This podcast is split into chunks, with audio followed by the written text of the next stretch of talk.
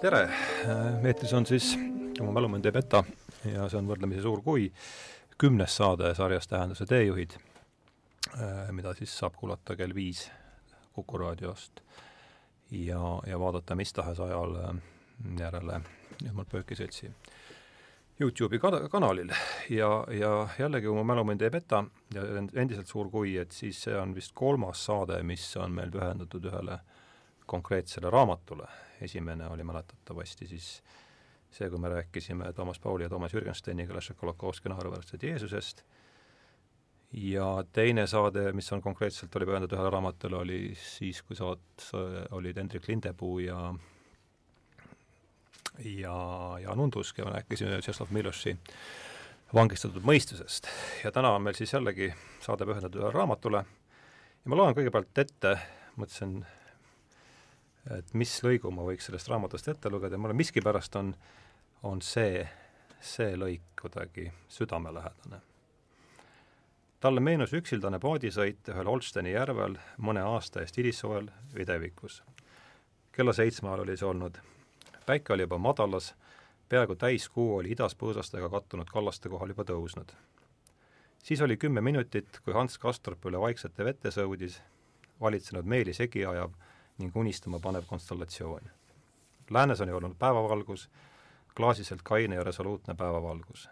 pööras ta aga pead, siis polnud mingit kahtlust, et ta ülinõiduslikku, niiskest udust läbi põimitud kuuvalget ööd nägi. see kummaline olukord kestis napilt veerand tundi, enne kui lahenes öö ja kuu kasuks. ja rõõmsa imestusega rändasid Ants Kastarpi pimestatud ning valutavad silmad ühelt valguselt ja maastikult teisele, päevast ühe ja ööst jälle päeva no ilmselt Hans Kastorpi nimi andis ära, et tegemist on Toomas Manni romaaniga Võlumägi, kes seda raamatut on lugenud. nii et tänane saade on pühendatud siis sellele romaanile, mis ilmus siis juba, mis ta siis saab meil juba üheksakümmend aastat tagasi peaaegu, üle, üle üheksakümne aasta tagasi. ja ma loen ette ka veel, enne kui ma tutvustan saate külalisi, mm, siis lõigu, mis on sellelt äh, ingliskeelselt äh,, ingliske, ingliskeelse Võlumäe kaanetekst, mis minu meelest võtab päris hästi kokku inimeste jaoks, kes seda võib-olla, kes seda midagi kuulnud on, et enam-vähemgi annaks aimu, millest jutt käib. nii et siis loen ette kaaneteksti, et Võlumäes kasutab Mann Šveitsi alpides asuvat sanatooriumi ainu, ainuliselt haigusele pühendavat kooslust juba enne tuhande üheksasaja nelja, neljateistkümnendat aastat oma lõpliku hulluse esimesi tundemärke ilmutava Euroopa mikrokosmosena. selles hermeetilisse, ent intriigidesse lõhestatud maailma saabub lühivisiidile Hans Kastorp, täiesti tavaline noormees ja jääb sinna seitsmeks aastaks. Võlumäel alistub Hans, Hans Eros ahvatlustele ning mürgitab ideedest. Võlumägi on monumentaalne eruditsiooni ja iroonia, erootilise pinge ja intellektuaalse käärimise meistriteos. see on raamat, mis pulbitseb elus, elus keset surma ja mul on siin stuudios siis täna taas kaks külalist, Jaanus Rohumaa, kes lavastas Linnateatris äh, siis äh, Võlumäes, see oli eks kaks tuhat üks oli, ma mäletan, esietendus. ja kirjanik Mihkel Mutt, kellel on siis Võlumägi olnud samuti oluline raamat ja, ja ma lükkan selle vestluse käima siis küsimusega Jaanusele, et kaks tuhat üks, miks Võlumägi äh,? seal noh, ilmselgelt mingi põ-, isiklik põhjus pidi vast olema mm. -hmm. mõned vastused, tere kõigepealt ja ja mõned vastused juba tegelikult kõlasid sinu sissejuhatuses, et üks äh, oli kindlasti see hermeetilisuse küsimus, et et teater on ju ka tegelikult ikkagi pigem hermeetiline paik, võrreldav siis kloostri või, või raamatukogu või mõne muu paigaga, kus ähm, siis kehtib oma väärtussüsteem ja kus sa oled nii-öelda selle päris maailma eest kaitstud ja minul ka selleks ajaks oli just saanud seitse aastat täis seal äh, Võlumäel nimega Linnateater. Mm., ehk et ma mm, väga vähe võtsin osa tegelikult nagu, nagu sellisest äh, ümbritsevast elust äh, tookord ja, ja tõesti tegelesin põhiliselt ja ainult teatriga, hommikust õhtuni ja öösel ka, ja impulsid olid sellised, et ma otsisin kõigepealt ühte materjali sellest perioodist, sellest nii-öelda Euroopa kuldsest ajast, et mul oli hingelähedane äh, see ja, mm, ja teine, ma olin lugenud Manni, ma alustasin Manniga ju tegelikult tema, tema novellidega, siis oli Doktor Faustus, siis olid Buddenbrookenid ja siis alles tuli Võlumägi kuskil kahekümne kolme aastaselt e. E aga siis, kuna ta oli täiesti mm, noh, kuidas öelda, isegi nagu verinoore auahne lavastajana, ma lükkasin ta kohe kõrvale, selle võimaluse, sellepärast et et minul sellist protsessorit ei ole, mis sellest nii-öelda dramatiseeringut suudaks teha. Ja, ja seetõttu ma ei pidanud teda üldse teatrimaterjaliks, nii ma arvan ka endiselt, et ta tegelikult ongi romaan, romaan, teda transponeerida kas kinoks või, või, või teatrietenduseks või ooperiks ongi minu meelest vägivaldne. aga, aga mis mulle selle julguse andis, et mu hea sõber Erkki Sven Tüür see kord hakkas sellest jälle rääkima, see on üks tema lemmikraamatuid, ja, ja siis ma hakkasin ta peale uuesti mõtlema ja mis siis selgus minu otsingute tulemusena, et sellest oli kirjutatud ikkagi nagu teatriversioon. ja selle oli kirjutanud mees, kelle protsessor seda ühena vähestest nagu võimaldas ja see oli Madis Kõiv. see oli üle kolmesaja lehekülje pikk, nii et seda tuli natukene kohendada, pisut seda, pisut ka toda hiiglaslikku massi kärpida, aga see andis mulle julguse seda teha. ja, ja isiklikest asjadest veel, et et ähm, noh, ta on lummav, see on lihtsalt nauditav kirjandus, ka see, et sa tahad selles maailmas olla, äh, siis mm, teine, et mm, noh, see tõdemus, et et kas tõesti on nii, et siis, et kui me enam-vähem midagi taipama hakkame, siis meilt võetakse see edasine taipamise võimalus kuidagi ära. ja ka tollel eluperioodil oli mul nagu võrdne huvi äh, nii vabamüürluse kui ka katoliikluse vastu, kas eraelulistel põhjustel katoliikluse sõprade kaudu siis müürluse osas. et see paelus mind ja, ja see töö oli väga põnev ja, ja minu enda jaoks ka tegelikult murdepunkt, et mingis mõttes ma tõmbasin ka ühele perioodile sellega nagu joone alla enda lavastamise töös ja võib öelda, et et pärast seda ma ka üha vähem nagu tegelikult, ma hakkasin üha, üha kaugemale nagu teatrist minema ja enda pika sissejuhatuse ma lõpetan sellega, et et tol hetkel oli mul kaalumisel veel ka teine romaan. Mm,, see oli siis Vennad Karamaažovid mm.. ja noh, nii Aljošas kui ka siis kui ka siis Hansus on noh, mõningaid nagu ühisjooni, aga lihtsalt, et et Aljoša otsustas kohe romaani alguses Sosima nõuandel nagu minna ikkagi nagu päris ellu siis, siis Hans, siis Hans nagu jäi ikkagi sinna üles, aga noh, elu ronis ise talle sinna äh, järgi. et, et erakordselt, äh, erakordselt põnev teos, seda võeti tookord hästi vastu ja on selge, et teater, igasugune lavastus sellise mahu puhul on paratamatult lihtsustav. ja ma kasutasin ka tantsuteatrit, äh, võtsin Teet Kase endale appi koreograafiks, et et seda noh, neid ka Claudia ja siis Hansu dialoog või selliseid puudutusi ja, ja kohtumisi siis nagu, nagu kuidagi kompaktselt edasi anda, nii et et selline oli selle lavastuse lugu ja, ja ma, ma jäin temaga tookord rahule. ma endise teatrikriitikuna täiendaksin, et ühelt poolt jah, romaan on hiiglaslik ja seda ei saa ühe lavastusega kindlasti hõlmata, aga samas on Võlumäes omadusi, mis teevad teile lava jaoks väga tänuväärseks, kõigepealt seal on monumentaalsed karakterid ja mis on kõikide näitleja suurim unistus, mitte mängida mingit tühipaljast kuju või, või ideed, vaid mängida inimest. ja tegevust on ju ka romaanis piisavalt, seal on rohke, rohkesti kõiksuguseid konflikte, neid võib ju rääkida kas või ainuüksi see, mismoodi Joachim Ziemseni vaimu välja kutsutakse, see on juba ise ju allikas täiesti teatrietenduseks. ja ega teater ei ole ju ainult tegutsemine, ideede väitlus, kui me mõtleme show näidenditele, siis ju kõik ongi ainult ideede tasandil, kemplevad ideed ja siin Nafta ja Septembriini omavaheline väitlus, see on täiesti põnev.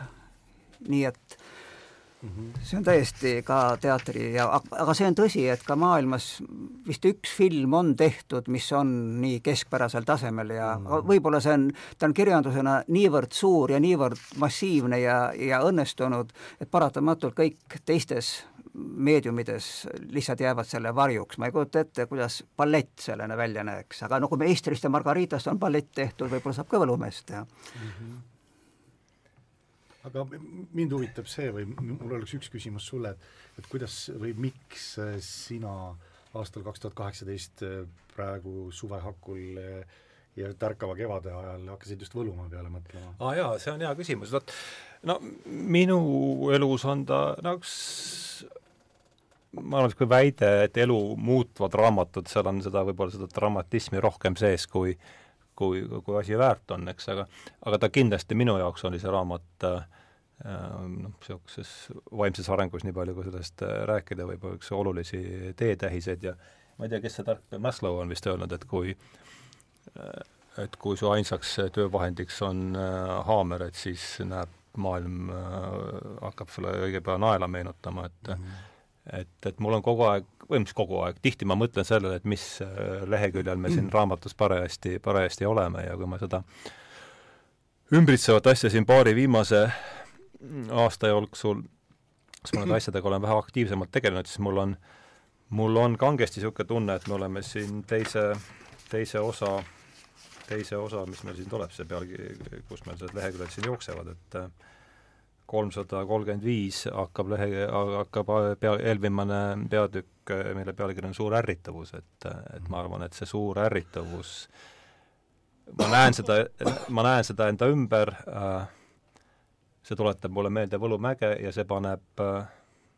selles teoses on oma arenguloogika, mis viib meid selle suure ärritavuseni ja selle ja selle noh, siis viimane peatükk on, eks ole, Kõuekärgatas, nagu mm., nagu me siin kõik teame, et et no see võib olla vastus sinu, ma ei tea mm, -hmm. kuivõrd see oli nüüd vastus sinu küsimusele mm. -hmm. ja sama see, seesama lõik ikkagi, mis ma siin alguses ette lugesin, see see paadisõit Holsteni järvel, ühelt poolt siis lääne klaasiselt kaine päevavalgus ja ja see idakalda, idakalda niisugune nõidus, nõiduslik udu, et mulle tundub, et need noh, Mann ilmselgelt kirjutab Saksamaa valikutes seal äh, enne esimest maailmasõda, et noh, mingis mõttes väga, väga lihtsustatult need, need valikud on selle äh, peaaegu sajandiga nüüd liikunud sealt, sealt siiapoole, et see oleks lühike, lühike vastus sellele sinu küsimusele mm. -hmm. aitäh! aga jah, et see, mis Mihkel rääkis siin tegelastest, siis siin on üks äh, lõik veel, mis mulle meeldib, see Manni kõnes kolmekümne üheksandal aastal Princetoni üliõpilastele, et siit võiks võib-olla nende tegelastele, just nende tegelaste, tegelaskujudena edasi liikuda. Et see ilmneb juba selles, kuidas käsitletakse tegelasi, kellest lugeja tajub, et nad on midagi enamat, kui, näib, et nad on pigem vaimsete valdkondade, printsiipide ja maailmade eksponendid, esindajad ning saadikud. ma loodan, et sellegipärast pole veel mingid varjud ega kahel jalal kõndivad allegooriad. et äh, et nii palju, kui me Mihkliga jõudsime siin ette enne ka rääkida, et sa, sa, sa ütlesid, et sinu jaoks pakub Võlumäe suvi mitte eelkõige see ajade, aeg, millest, millest ma olen teda ise vedanud ju ajaromaaniks suuresti, aga vaid eelkõige just need mingis mõttes Euroopa põhilised arhetüübid, et võib-olla hakkaks, hakkaks neid tegelasi niimoodi läbi, vaikselt läbi jooksutama, et ja arvestame sellega, et osad inimesed ei ole ju raamatut lugenud, et mm, -hmm. et räägime, kes on peategelased ja kõigepealt peaks äh, ikka alustama sellest, et ka kõige geniaalsematest teostest aeg teataval määral käib üle. ja kui ma, ma olen seda lugenud ma ei tea kui mitu korda, juba seitsmekümnendatel seda Eesti-aegset väljaannet ja pärast hiljem ka veel mitmeid kordi ja ja alati muidugi leiad midagi uut sealt, kuna raamas on, raamat on niivõrd tohutult rikas, aga pean tunnistama, kui ma viimati lugesin, ma ei tea, kas see oli nelja-viie aasta eest, siis pean tunnistama, et jah, need metafüüsilised kemplemised ja, ja kitsamalt tunnetuslikud nüansid ja just see, mille üle nii, nii palju septembriini ja nafta omavahel kemplevad, et see vahel mulle tundus, et natukene juba ma ei tea, kas ma olen sellest üle kasvanud või see ei ole enam nii, nii huvitav, see ei ole enam peamine. peamine on see, kes nad ise on, kuidasmoodi nemad seostuvad sellega, mis filosoofiat nad esindavad. me peame selle raamatu puhul kindlasti seda ka arvestama, et ikkagi kirjutamisaeg, see on kirjutama hakatud natukene enne Esimest maailmasõda ja, ja valmis ta kümme aastat hiljem ja maailmas sellel ajal oli toimunud sõna otseses mõttes noh, maavärin või maalihe või kuidas seda nimetada, tohutu pööre oli toimunud mm. -hmm. ja kui sa mainisid ärrituvust näiteks, vot mind on alati see huvitanud ka kolmekümnendad aastad. see oli see aeg, kui see ühiskond, mis praegu meie ümber on, hakkas oma kuju võtma siis hakkas tekkima heaoluühiskonna esimesed võrsed, siis hakkas esimest korda inimestel, massidel tekkima raha ja nad hakkasid ostma endale tarbekaupu. esimesed, esimesed töölisperekonnad said nii-öelda jalad alla ja siis hakkas ka massikultuur tulema. Ja sealt ei olegi palju edasi. Kümmekond või viisteist aastat, kui Huxley kirjutas oma uue ulja maailma nii et see kõik, mida siis targemad pead ette kujutasid, ka mitte ainult tarbimiskultuuri kohta, vaid ka väärtuste lamestumise kohta kahekümnenda, kolmekümnendatel aastatel, see kõik ainult kasvas, kasvas ja on osutunud järjest rohkem tõeks. ja seda me näeme kõik praegu, nii et see kvaliteetne murdus, kvaliteedi murdus toimus tegelikult juba siis. niimoodi, aga kui nüüd need, need tegelased, jah, alati on tore, kui on huvitav idee alati on väga huvitav, kui on inimene, karakter on väga huvitav, aga kui need kaks tükki kokku langevad, siis see on midagi erilist. selles suhtes on kaks vähemasti tohutut hiiglast, Dostojevski ja Toomas Mann. Settembrini, kes ta on? vabamüürlane, aga ta esindab progressi, seda, et maailm läheb edasi, et inimest on võimalik pöörata ja teha paremaks, kui teda, anda talle võimalused, anda talle ja öelda talle, mida ta peab tegema, see on puhas valgustuse mm -hmm. õpetus, inimene lihtsalt tuleb valgustada ja siis kõik läheb ajaloos korda.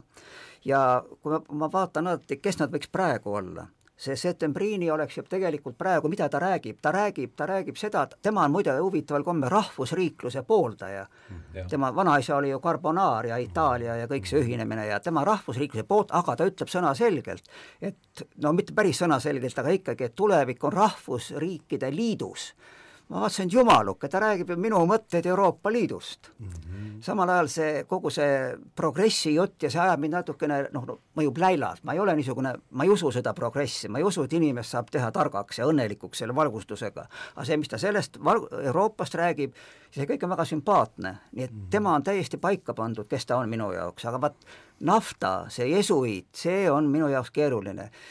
vaat kirjutamise ajal kirik oli täiesti olemas ühiskonnas nii-öelda fiktsioon ja ta oli tugev ja võimas ja teda võis võtta kui vastast, kui midagi, mis on, mille kallal maksab ma hambaid teritada.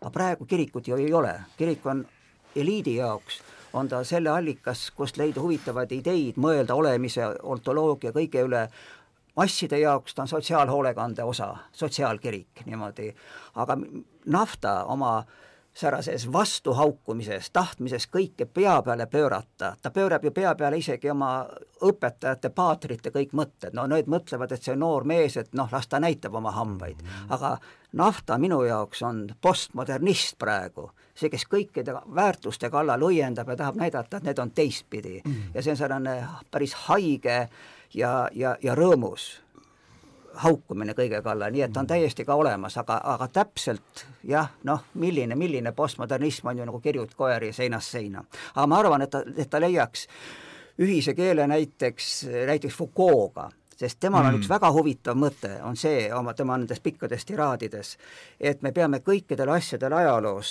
lähenema selle ajastu inimese seisukohalt. me ei saa tagantjärele vaadata, et näiteks keskaja inimene oli õnnelik või õnnetu, kui me ennast projitseerime tema asemele, sest meie oleme hoopis teised inimesed. naftal on olemas teatav ajalooline mõtteviis, mm. mis septembriinil näiteks nii väga ei ole. no nii, jah minu jaoks on see see on puhas kuld, kõik, mis sa räägid, Mihkel, et äh, üks aspekt, et septembriinis on äh, väga tungiv etteheide äh, nii inimkonnale kui ka nendele asukatele seal äh, sanatooriumis, see, et nad on jäänud lesima äh, selle valgustusaja nii-öelda äh, õlgedele, et, et, et see, need viljad, mis tookord nagu loodi, et nüüd on kätte jõudnud selline noh, nagu nautimise aeg ja, ja toimunud mugandumine.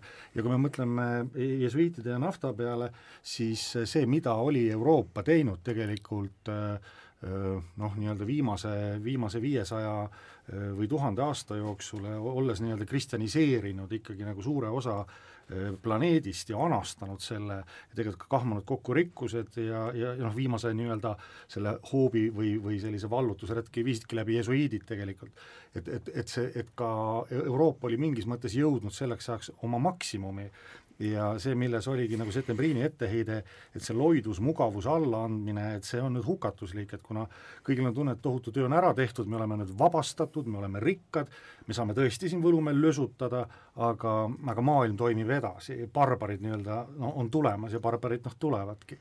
seetõttu on just kummaline, et nagu sama, sama perioodi autor Zweig, kes noh, erinevatel põhjustel muidugi ja võib-olla kaalukategooriumgi erinev, aga see kadunud maailmas mm., tema, ta idealiseerib seda Euroopat, siis Mann on ikkagi väga terav selle suhtes, et ta, ta, ta pigem nagu näeb, et see, see noh, see heaolu või see, mm, see usk, et nüüd nii jääbki, et see on väga petlik et seetõttu nagu kummalised autorid, et, et ma tõesti, siin on Manni prohvetlikkust on äh, on põhjust uskuda, noh, sellepärast et tegemist oli lihtsalt väga targa inimesega.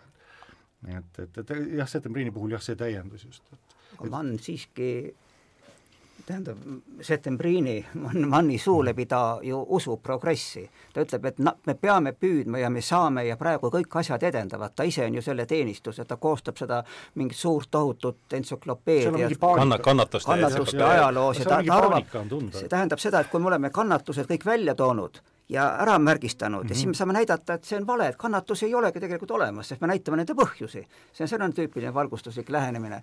aga Mann ei ole nii, nii väga pessimistlik, ta ikka usub, et et asjad siiski, aga, aga noh, ega Mann ei ole ju üksinda, sest noh, ilma, ilma peeperkornita ei ole üldse võimalik kogu seda värki üldse käsitleda, sest kes on need Nafta ja Setembriini, kes vaidlevad ja vaidlevad ja algul nad tunduvad nii huvitavad, aga tasapisi nende võlu hakkab ju kuhtuma. muudkui aga räägivad ja räägivad ja isegi Hans Kastorp hakkab juba ühte, ütleb, et see vabamüürlane, et see on nagu Väntoreli mees ja ja teine on see mungake ja ja ta, ta, noh, ei ole enam nii väga huvitav, aga kui siis tuleb suur mees, min... suur, suur bioloogiline mees, kes ei ütlegi õieti midagi, aga kes paneb kõik oma pilli järgi tantsima. Mine, Miner Peeperkorn kes sul mängis Peeperkorni äh,? Agoro, aga tegelikult ta oli ta oli mul, see, see, see osa ei olnud nii suur, aga noh, praegu ma kutsuksin Donald Trumpi seda mängima täiesti õige, täiesti õige. nagu mm -hmm. aga nii, kes on, kes on see, mida mõista mida mõista peeperkorni all, et see on minu jaoks mida, mida, mida, mida mõista üldse asi. nende, et kes need on, need, need arhetüübid ja mulle tundub, et no, no nüüd, nüüd siin, siin ma otsin, et kes nad võiksid täna olla, et ja kui me tuleme tagasi selle ärritavuse juurde, et mille vahel siin, kes siin üksteise peale ärrit-, on need ideoloogiad või on need pigem mingid isiksuse tüübid ja mulle tundub järjest enam, et kui me räägime sellest ärritavusest praegu, et siis siin käib konflikt on ikkagi pigem nende äh, isiksuse mingite tüüpide vahel, kes lihtsalt laen-, panevad endale ajaloos erinevaid ideoloogilisi mundreid eh, selga. siin on, see on geniaalne romaan, sest siin on kõik koos. Siin on ideed, siin on üldine, siin on konkreetne, siin on filosoofia ja siin on isikud, kes kõik need noh, nad on kõik, no siin on kõik olemas. ärid, loomulikult, see jäi, see jäi mulle esimesel lugemisel juba üliõpilasena meelde, mis on elu, elu on ärrituvus elu on haigus mateeria pinnal, see on, see on üks suurepärane mateeria definitsioon jälle. ja see ärritus on muidugi kogu aeg olemas, aga üks ärritus on lisaks, see on seesama ärritus jah, mis Võlumäel levib kuskil kolmanda, neljanda, viienda aasta lõpul järjest rohkem. See, et inimestel, kellel ei ole midagi eriti palju muresid, ja siis nad hakkavadki ja kui nad on suletud omavahel, see ei ole mitte ainult see kosmoselaeva sündroom, kus inimesed hakkavad omavahel när-, närvi lähevad, vaid kui neil ei ole mõistlikku tegevust, siis nad, need intriigid ja flirt ja ja olelus ei saa neile, nende, nendele mõtet anda. Ja sellel kahtlemata on niisugune ettenägev äh, vaade tänasesse päeva, sest ka täna see ärrituvus, mis inimestes on, on mõnel määral tingitud sellest, et neil ei ole enam suuri asju, millega tegeleda, neil on palju mõnusid ja palju võimalusi igatepidi noh, kõike saada ja tarbida, aga tarbimine ei saa, ei saa asendada mõttekat tegevust mingis, mingi nimel. aga see ongi Hansu küsimus seal Võlumäel ju, aga noh, mida siis teha, et, et ta ei, ta ei nagu ei ei, ei suudagi valida seda enda rada või enda suunda, et mille peale siis ärrituda õigupoolest või või, või, või, või mille nimel toimetama hakata, neid nuusutabki neid, neid, neid või, või vaatab ja süveneb nendesse erinevatesse võimalustesse, ma olen ise proovinud seda enese jaoks lahendada öö, olles ise ka sellises nagu Hansu nagu positsioonis olnud noh, oma elus olles sageli kõige noorem seltskonnas ka seda, et, et või noh, istun, istun Rein Raua juures, kuulan Reinu juttu, eks ju, mõtlen jaa, võib-olla on tõesti niimoodi, eks ju, lähen siis saan kokku Toomas Hendrikuga, temal on hoopis teised jutud, eks ju, ja ja, ja, ja, ja siis eh, niimoodi, et, et sellise nagu noore inimese kujunemises noh, ongi needsamad jõu, jõujooned ja autoriteedid, keda sa kuulad, lõpuks sa nagu hakkad mingit teed pidi sammuma.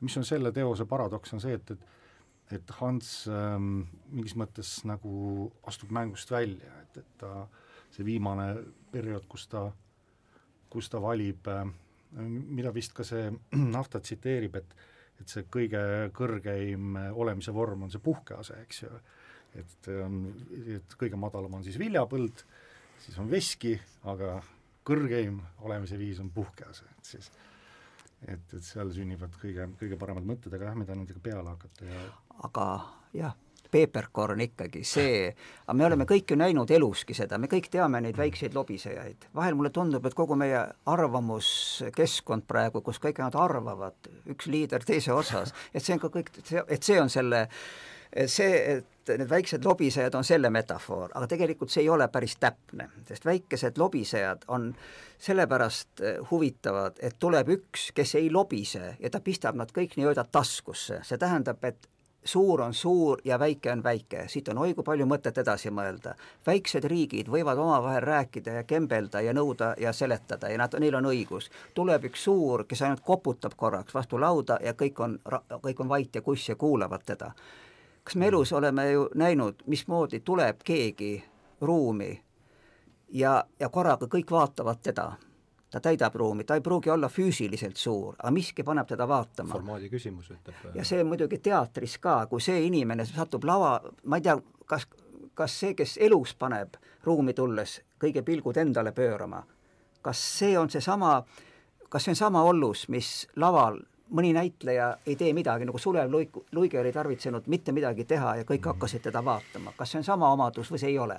ma arvan, et Sulev Luik, kui ta oleks elus tulnud kuhugi ruumi, vist ei oleks seda vaadatud või ma ei, ma ei oska öelda seda. Peppercorni puhul on see, et ma arvan, see on nagu niisugune substantsi küsimus, et ta noh, meil on nii-öelda aatomid on meil kõigil ühed ja samad, aga, aga see järjestus ja, ja see kuju, eks ju, millisena meid kokku on pandud, et ta lihtsalt on nii-öelda tahumatum tüüp või noh, ütleme, mina võrdleks teda, kuna ma olen bioloogiat pisut õppinud, siis noh, üks kõige tõhusamaid loomi või olendeid maailmas on haikala kellel, kel põhimõtteliselt eh, noh, ta ongi nagu, ta on niimoodi kokku pandud looduse poolt, et ta on täiesti geniaalne eh, nii-öelda haigala vaatenurgast, ta on, ta on üliprimitiivne, eh, ta on väga tõhus ja, ja, ja ei, ta kao siit maa, ilma meredest mitte kuhugi ka peale seda, kui inimkond kaob.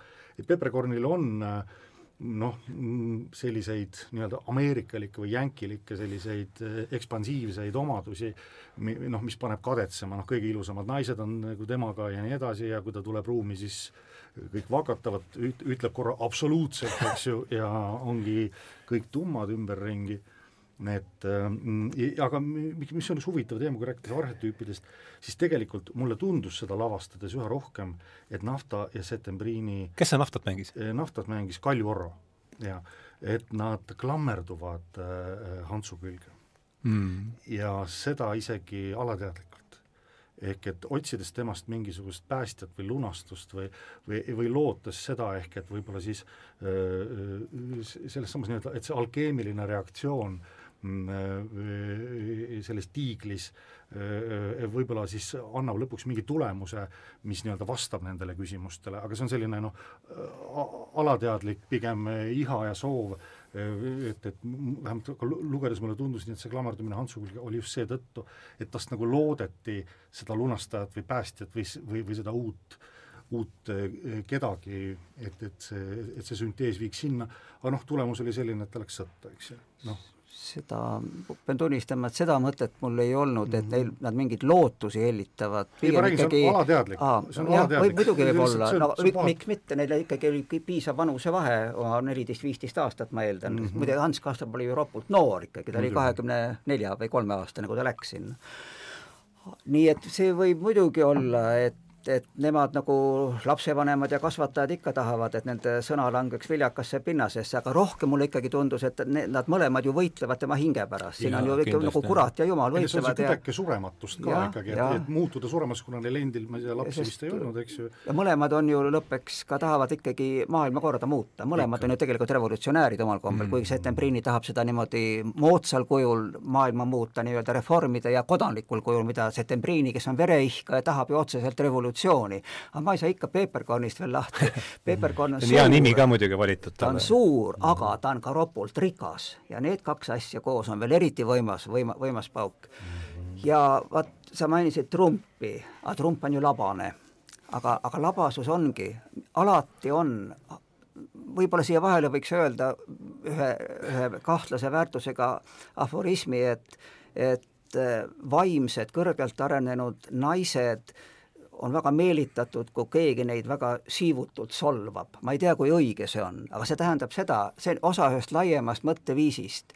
see on see, et, et haritlane, haritud peene vaim tahab flirtida mingi ürgse jõu ja labasusega aga kas te ma ei oska see, see, see on sama minu, minu kogemus ei, ei ütle ja, seda. aga ütle, miks alati on haritlased alates Rousseau'st läinud ürgse looduse rahva juurde, miks narodnikud otsisid tõde rahva juurest ikka see primitiiv, miks praegu on maailmas säärane autentsuse järel nälg, ehtsuse autentsus, miks öeldakse, et, et ainult lihtsate inimeste juures on veel olemas suuri puhtaid tundeid, miks Karin karjub Indrekule näkku, et mine oma agulisse, seal on sinu suured puhtad tunded? Ja Indrek ütleb, et jah, ongi.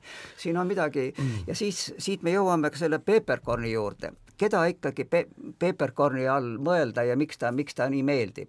temas on ka seda ürgsust ja, ja, ja ümberkaudsed, kes on nii rikutud vaimsuse poolt, nad leiavad selles võib-olla midagi ehtsat.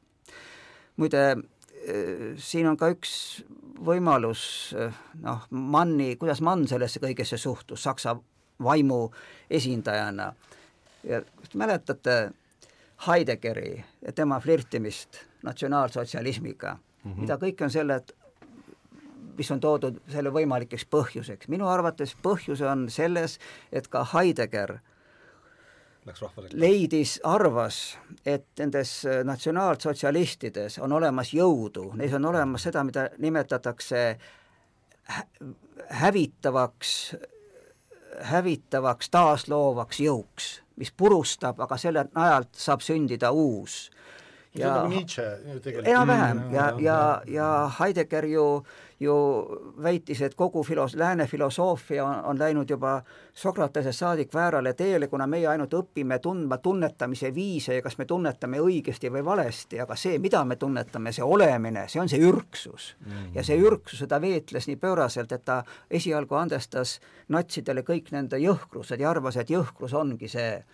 ja nüüd, kes on see peeperkorn? ma kusagilt lugesin, et selles peeperkornis ja et ka naftas tuleb näha natsionaalsotsialismi, aga see on täiesti anakronistlik muidugi, sest sellest polnud ju veel toona õhkagi, kui see romaan kirjutati, aga kommuniste, kommunistide suurt puhtaks pühkivat jõudu võib küll nendes näha minu arvates, kommunism oli juba täiesti olemas maailmas. Itaalias oli futurism ka tegelikult juba ikkagi futurism käi, oli käimas juba ja jah mm, -hmm. futurism tekkis jah, ja ka faš-, fašism kujunes sõja ajal, jah ja, ja. ja..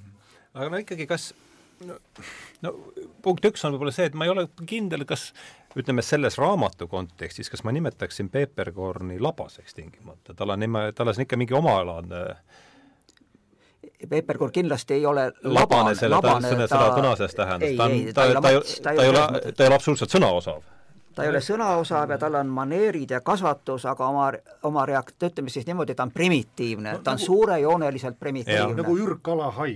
hai on ka nagu ülilihtsalt ja, kokku ja, pandud, ta on mitukümmend miljonit siin elanud, elab veel, et ta funktsioonid on väga lihtsad, aga äärmiselt jõulised, eks ju. kindlasti ta näpuga nina ei nuuska, vaid ajab oma tal see... on väike, väike aju, aga väga, väga, väga sihipärast nagu sest ka sellise labasuse koht ütleme selle ka meie mõttes labasuse kohta, seal on omad kõrvaltegelased nagu proua Mm. Ja, ja võib-olla see mingist oli see Veesal, kellel oli kõik, kes ainult siis, kui piinamisele läks. jaa, aga kuidas Septembrini ei salli teda? see mulle aa, seda Peeterkarni, ta, ta tunneb, et mis see mingi juhm, juhm, mitte artikuleeritud olevus ja no ja ta tunneb, et Hans hakkab tema käest nagu välja ja ta tunneb ja ta saab aru, ta saab aru, et ega siis, ega siis Septembrini loll ei ole, ta saab aru ka ise, ta tunnetab seda, kui ta välja ei ütle, saab aru, et teisel on rohkem mõju lihtsalt.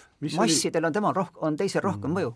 lavastust tehes oli, oli see, et ma tahtsin, et peaosaline oleks just Indrek Sammul ja, ja kuna ikkagi ma olen kuidagi niimoodi lavastajana vähemalt proovisin kunagi teha, et mu nendel tekstidel või, või, või, või teostel oleks ka midagi öelda Eestile sest no minu auditoorium oli ikkagi enamjaolt siin, mõnikord harva sattusid jah, välismaale festivalile, aga üldiselt ma ikkagi mõtlesin Eesti kontekstis.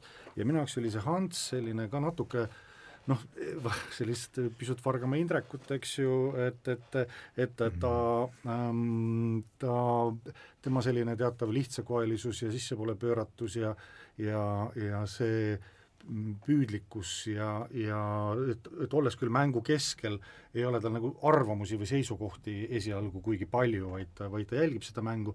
Ja siis on, oli see nagu noh, see kujund ka, et, et see kahe tuhandete algus, et Eesti oli siis juba nagu, nagu klubisse saanud, noh mm, -hmm. või nagu ka Võlumäele saanud tegelikult äh, ikkagi, aga ees ootas NATO ja Euroopa Liit ja nii edasi, ja siis mida sulle pakuti või, või, või millised ideed või asjad tulid, aga need, mida meile pakuti, need olid juba võib-olla kohati sellised noh, enda aja ära elanud või elu ära elanud või, või, või, või ka nagu pisut noh, nagu ma, ma usun, et mingi osa Euroopast siiski vaatas tookord meie poole kui teatava lootusega, mitte ainult kui sellist doonorriiki, vaid et, vaid et, et sellist noh, mitte ainult see, et, et me hakkame neile saatma sinna odavat tööjõudu ja hakkame pumpama, eks ju, Briti majandust üles sellega, vaid et, vaid et, et ehk on neil mõni värske idee, ehk on neil mõned, mõned uued mõtted või, või, või ehk, ehk tuleb sellest midagi muud, kui meie teinud oleme ah,, ja lihtsalt selle teatrijutu lõpetamiseks see, et, et me vaieldamatult kõige populaarsem või selline lemmikum tegelane sellest galeriist oli Joakim,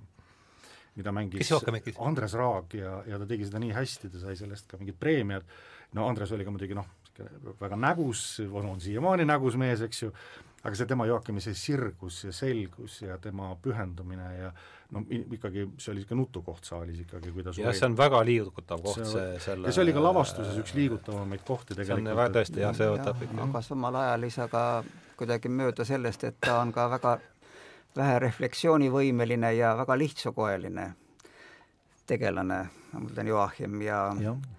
aga ma olen jah, see oli tõesti, see on tõesti õige ja kui me räägime mina rääkisin algul Dostojevskist ja Mannist, siis lihtsalt üks no erinevus on see, et kuigi mõlemal on tegelased, kes kannavad ka ideid ja kehest, kehtestavad neid, Mann on ikkagi olümpiaslane. Mann ei ole nii ta ei ole nii lähedal inimesele. Mannil õieti seda lihtsat inimest kui niisugust pole üldse olemas, kes on Dostojevskil kogu aeg. Mann opereerib ikka üks aste kõrgema, seal on vähemasti väikekodanlane. Nende mured on seotud, ütleme nagu, nad on natuke sarnased kunstiinimese või kokoti muredele, et tal ei ole ühte ja teist ja kolmandat. aga seda ahastust, mis on Dostojevskil näiteks, kui ma, siis, siis jah, see on ütleme, Mannil on vähe, ma, kui, kui ma midagi heidaksin ette Mannile, tervikuna, kogu tema loomingu piires, see on kaastunde vähesus mm. -hmm. Sest aga ta on nii geniaalne, et ta võib tunda, ta võib aru saada tunnetest, mida ta ise ei ole võimeline tundma ja instinktidest, millest ta ei lase ennast juhinduda, aga ta saab aru sellest. Ja ma mõtlesin, et siin on paralleel näiteks sellega, mismoodi meie võime aru saada ma võin aru saada, ütleme, gei või ütleme, lesbi suhetest mõistusega, ma saan aru, aga tunda ma seda ei saa loomulikult. jah, noh, eks Toomas Mann oli ju ka, oli ju ka latentne gei ja võib-olla sellel on mingit mingit pistmist sellega. ja Klaus oli vist, tema vend oli vist lausa ikkagi ja. nagu Klaus oli poeg ikkagi? poeg, Klaus Klaus oli poeg, poeg, poeg oli vist ikkagi poeg, poeg oli avalikult. ja aga kui me võrdleme nüüd mitte Võlumäe raames, vaid vaid võib-olla kõige, kus kõige rohkem Mannil on kaastunnet ja kurbust avaldub millegi suhtes, see polegi võib-olla Simson, vaid see on see doktor Faustuses, kus see väike laps mm. sureb meningiiti, mis on tõesti ahastavalt kujutatud, aga kui paneme siia kõrvale nüüd Karamazovides, kuidas see väike poiss seal lõpus sureb, siis peab ikkagi mm. ütlema, et see, see kurbuse ja traagika aste on ikkagi Dostojevskil tunduvalt suurem, nii et, et Mann ei pääse oma teatavast heaolu Lübecki keskkonnas siiski välja, ega ta ei tahagi ja ei peagi pääsema. me oleme muidugi siin nagu keerelnud nagu kavalalt nagu kassid ümber palava pudru ja, ja mitte ühestki naisest rääkinud. ma just tahtsin, ma tahtsin, et kusagil on ju need Kirgiisi silmad, mis panevad asja kõik ja, ja see ka, et see oli intrigeeriv, see lõik, mis sa ette arvasid ja see oli ka minul nagu meeles, et sa mõtled seda Holstoni järve, jah? just, just, et, et, et see, mida Claudia seal tegelikult esindab ja tema etteheited ka Hansule, eks ju, et, et, et, et ta ütleb, et noh, et sa nagu ei, sa, sa ei tunne, vaid et sa, sa, sa tegeled nagu nagu enesetäiustamise. sa kogud elamusi, mitte ei elamusi, ela. mitte ei ela, just. et see, et, et, et need on tõsised ja teistpidi ka see, et, et ega ka selle nii-öelda lääne ja ida, et, et see just, mis sa Dostojevski puhul kirjeldadki, see ongi nagu vene kirjanduse no mis on kohati ülisentimentaalne. see on, see on stamp, aga see, see, seal on kate tegelikkuses. see töötab ja. nagu selles mõttes ja, ja, ja just vene, vene kultuuri kontekstis ja sageli see on nagu mõistetamatu jälle äh, venelaste jaoks see jäisus, äh, mis neile sealt klaasised, klaasine kainus jah, läänest vastu vaatab, eks ju, et, et ja eestlased ongi nüüd sellesama kahe, noh, meie muidugi oleme tambitud ajaloo tõttu noh, veel nii tuimaks, et, et kui siin Mihkel äh, rääkis kultuurikihtidest ja ja, ja selle iseenesestmõistetavusest, siis siis noh, meil on see kihikene ikka selline äh, noh, habras ja õhuke ja iga, iga sellise välgatuse üle tuleb siin rõõmus olla, et, et kui, et, et keegi, keegi natukene on nagu vaimuvalgust endale juurde hankinud, et, et see on meil siin ikka hästi aprakene. Ja, ja, ja seetõttu meile päris need mudelid, millega ütleme, eurooplased ennast mõõdavad ja ka venelased lihtsalt alati ei sobi aga, aga tõesti selle Claudiast ja, ja sellest eh, Venest võiks rääkida, sest et seal on tunda ka see tohutult romantiseeritud kujutlus sellest, et kusagil seal aga võib-olla selle, see on, see on minu meelest üks keskne teema, et võib-olla ma loeksingi siit vahelduseks, et, et selle, kus ta tõi nüüd selle Holsteini, mul ei olnud seda plaanis, aga võib-olla see oleks sissejuhatuseks sellele teisele osale, kuhu me nüüd sisse, kuhu me nüüd hakkame jõudma vaikselt et ta tõi, selles esimeses lõigus ta tõi ta selle Holsteini järve kujundi sisse, eks, et ta siis selle sama peatüki lõpus kirjutab niimoodi, ma loodan, et mul tuleb see enam-vähem säravalt, soravalt välja mm. -hmm. mis on inimene, kui petlik on tema sisetunne? kuidas oskab ta veel kohusetunde hääleski kuulda kirgede lubatavust? kohusetundest, õigluse ja tasakaalu huvides kuulas Hans Kastorp ära Setembriinit ja kaalus heatahtlikult tema vaateid mõistuse, vabariigi ja kauni stiili kohta, olles valmis, olles valmis end neist mõjutada laskma seda lubatavama leidis ta ka hiljem olevat oma mõttele ja unistustele jällegi teises, vastupidises suunas vaba voli anda. jah, et kogu meie arvamist väljendada, ta kuulas härra Settembrinit küll ainult sel eesmärgil, et oma südametunnistuselt saada lubakirja, mida see talle algul ei tahtnud, mida see talle algul ei olnud anda tahtnud. mis või kes aga peitus teisel, patriotismile, inimväärikusele ja kaunile kirjandusele vastandatud küljel, kuhu Hans Kastorp oma mõtteid ja soovid nüüd jälle uskus juhtuda võivat seal peitus Claudia Žoša, lõtv, ussitanud ning kirgiisi silmadega Madame Žoša ja kui Hans Kastorp temale mõtles, muide mõtles on liiga ohjeldatud väljendus selle kohta, kuidas ta ennast sisimas Madame Žoša poole pööras, pööras, siis tundus talle jälle, nagu istuks ta, istuks ta paadistal Holsteni järvel ja vaataks läänekalda klaasisest päevavalgusest valutavate ning pimestatud silmadega idapoolse taeva udust läbi, läbi põimitud kuuvalgesse ühe. Hmm.. et mulle tundub, et see on nagu päris äh, veenva kujundiga nad kokku võetud, see, mida see mõnes mõttes see on palju asju kokku võetud, aga ühest küljest ka meie selline geopoliitiline asend mingis mõttes. kas ei ole imelik, et kui hakata tagasi mõtlema romaanile täiesti une pealt virgudes, mis meenub kõigepealt, minule meenuvad Setembriini nafta, Hans Kastorp, noh, Joachim ka ja Peeperkorn ja Claudia Chauchat aga nafta ja nafta tuleb mängu alles teises eos. ja peeperkond tuleb ka alles teises eos ja mul on tunne kogu aeg, et nad on algusest peale justkui, justkui seal olnud, jah. aga Claudia, see, tema kirjeldus, füüsise kirjeldus, tema lõtv selge, tema kirgiisi silmad ja see kõik on muidugi, see on natukene paroodialik ja klišeelik ja, ja aga ma, ma, ma meenutan siin ühte Toomas Manni enda väidet, mis puudutab stiili, siis mina ainsa stiilina tunnustan autoparoodiat, kõik muu ei olegi õieti stiil, nii et Mannil enda stiliseerimine ja säärane poolparoodiline, irooniline lähenemine, see ongi tema tegelik olemus, ta ei saagi ilmselt teistmoodi. -hmm. aga nüüd veel Peeperkorniga seoses ja miks Claudia tema külge nii-öelda satub, otsa satub, ongi see, et, et ta saab, seal on mingisugust suuremat müstikat, mida need mida see väike korralik Hansukene ei suuda talle pakkuda. Claudia vene hing ja vene hing muide tema üksikutes repliikides, kui neid täpselt lugeda, see, see avaldub kogu aeg, kuidas ta äh, kuidas ta põlgab tegelikult seda tunnete puudust ja, ja mm, -hmm. ja aga samal ajal ta ei salli ju ka naftat, sest see kurjus teda kuidagi mm -hmm. nagu mhm. pelutab, aga, aga Setembriini oma pealiskaudses progressi jutus, sellest, sellele ta ei pööra üldse eriti tähelepanu. aga kaastundlik vene hing jälle Joachim, mis Setembriinile ta ei meeldi ka üldse.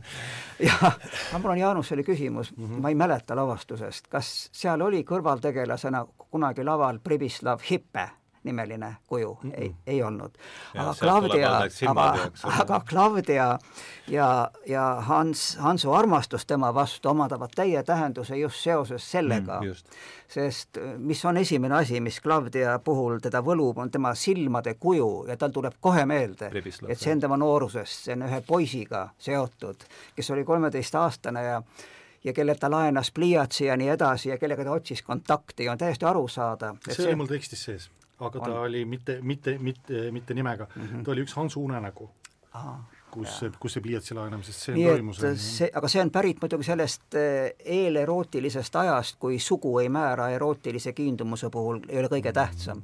aga muidugi latentselt siin räägib mingisugune latentne homoseksuaalsus ju ka kaasa ja see teeb asja muidugi eriti huvitavaks mm. -hmm. kuidas, Hardo, sul on kombeks, kas sa teed väikse pausi ka või? aga me võime vabalt teha. teeks üks viis minutit, pärast niimoodi võtaks, teeme paber asju juurde. just.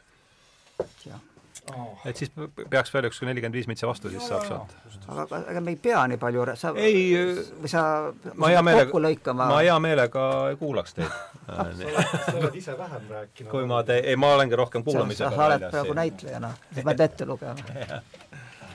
Aga see on hir-, hirmus vahva lõik, mis mulle, no mulle meeldib siin palju lõike, aga just jah, see, see paadisõidu kujundamine no, huvitav, minul näiteks ei ole, see ei ole üldse, ei ole, ei ole isegi mitte meeles ei ole. Hmm.. aga muidugi ma, ma ei ole nii põhjalikult seda nojah, noh, enam, enam nii, sa, sa, sa oled õige mitu korda lugenud, ma olen vist kaks-kolm korda võib-olla. jah, aga nad ei ole, ei ole meeles, sest see raamat on nii rikas, et sa ja, loed no, uuesti ja sa jah. vaatad, et kuidas ma ei ole seda tähele pannud, aga sama on muide ka, ka Tõe ja õiguse ja, ja no, Dostojevskiga, sa loed jälle ja vaatad, et ja. aga see muidugi eriline, kuna see lause nikerdatus ja see midagi nii, nii fantastilist ja kui hea tõlge see on veel. see on aga muidugi äh, selles, see on väga hästi toimetatud, sest ma vaatasin seda, mis on see kodanikul ajal välja andnud, sama tõlge ju, eks, seda kurat ei kannatanud küll kohe. aa, seda me võime ka öelda, tähendab, ma lihtsalt tahan ühe näite tuua, kuidas tõlke, tõlkes asjad on muutunud ah,. et minu, minu noorepõlves näiteks oli aga ma, ma räägin seda, mis ma praegu ära räägin.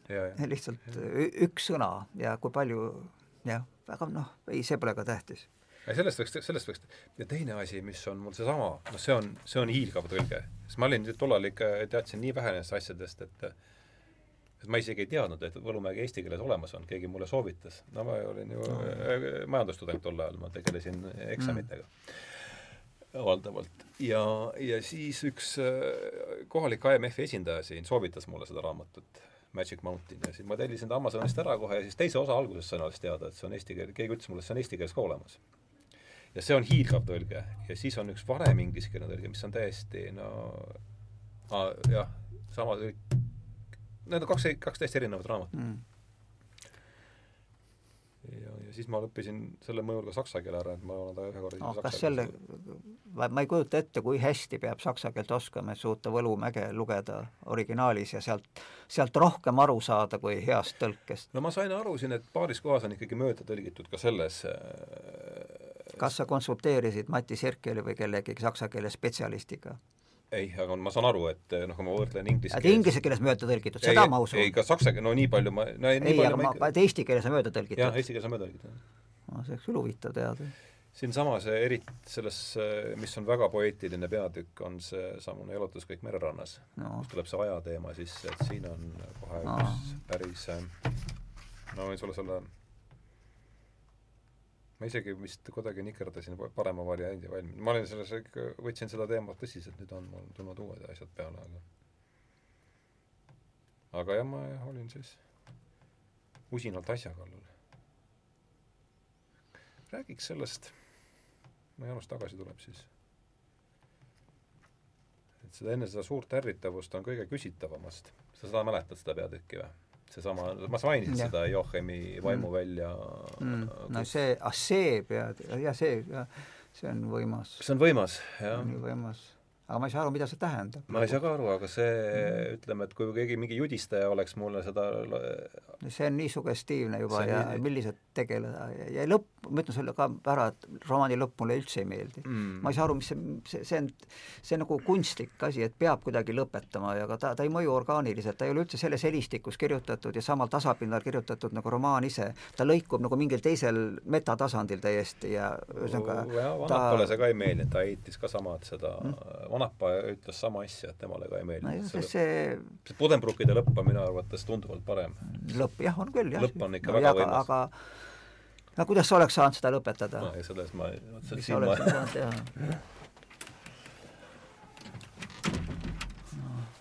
aga sellest võiks ka rääkida siis. meil tekkis siin kaks asja, aa, meil tekkis siin, Mihkliga rääkisime kolmest asjast et mida võiks võtta võib-olla siin järgmise neljakümne viie minuti sisse kuidagi, et üks asi on see, ma viiks jutu sellele eh, tagantpoolt kolmandale peatükile kõige küsitavamas, mis mind no ikka omal ajal täiesti raputas. Äh, ja, ja siis võiks rääkida natukene nendest tõlget, vot toome selle tõlke sisse, tõlke ka sisse või? Kuidas toome selle tõlkemomendi ka sisse. sa võid jah, aga no kui sa nii väidad, minu, minu meelest tõlge on noh, näide sellest, kui hästi meil ikkagi tõlgitakse. jaa, ei, see on hiilgav, hiilgav tõlge, aga Marto Hillots on ikka, see on ikka, see on täiesti erakordne Ardo ütleb, et ta on avastanud mõne no väikse... igal pool on väikseid vigu. Aga... aga ma mõtlen just, et ta on, ta on väga hästi toimetatud, see kodanikuaegne tõlge on ikkagi, seal on, no seal näed nii palju, kui palju keel on ikkagi vahepeal muutunud. selle ajal polnud ka toimetajad tänapäevases tähenduses olemas. sellel ei olnud, see enam-vähem nii läks, nagu seal oli korrektor, seal on, me oleme tagasi jõudnud sinna. See nõukogude aeg, kus toimetaja oli kaasamõtlik autor ja tõlkija, kaastõlkija, seda, seda niisugust asja enam ei ole, selleks pole lihtsalt ressurssi enam no, nüüd on ka korrekt-, toimetaja on korrektor praegu. on õnne olnud. parandab pead ära. aga ja siis ja, võib, ja, ja lõpus võiks rääkida lõpust võib-olla, siis see tuli jutuks siin. jaa, aga kas midagi on väga tähtsat? jäänud rääkimata. ma ei tea, mis võiks väga tähtis aga olla. tooge kas progress on ikkagi olemas? mul oli üks selline, selline huvitav, ma, ma, ma ei jõudnud hakata sellesse nii, nii tugevalt äh, süvenema, aga ma jäin mõtlema selle peale, mis toimus samal ajal teaduses, et ikkagi nagu üld-, relatiivsusteooria, eks ju, mis tegelikult pani, pani, eks ju oota, millal, tuhat üheksasada kaksteist avaldas? esi-, siis, jah, Mann teadis seda, Mann teadis seda. et see tegelikult, seesama see aja, ajateema, sealt on nagu väga huvitav, kui mõelda, et see pani ka aluse kvantteooriale, et, et noh, mis nagu väidab, et tegelikult nagu aega aega nagu ei ole, eks ju, et, et see lihtsalt osakeste kuhjumine mingisse momenti. Äh, on, on tihedam ja teisel juhul aeg võibki nagu mingitel juhtudel painutuda ja olla mm, -hmm. liikuda kiiremini ja liikuda aeglasemalt, et et noh, need, need mõtted tekkisid, aga see on selline nagu selline risoom või võrgustik, mida kaudu edasi on jube raske liikuda, kuna raamat nagu sellest noh, ta küll räägib ajast ja selle re-, relatiivsusest, eks ju, aga, aga ta, ta, ta, ta põhituum on ikkagi see sama see inimvaimu inimvaimu kujunemine ja tema võimalused üldse siin elus.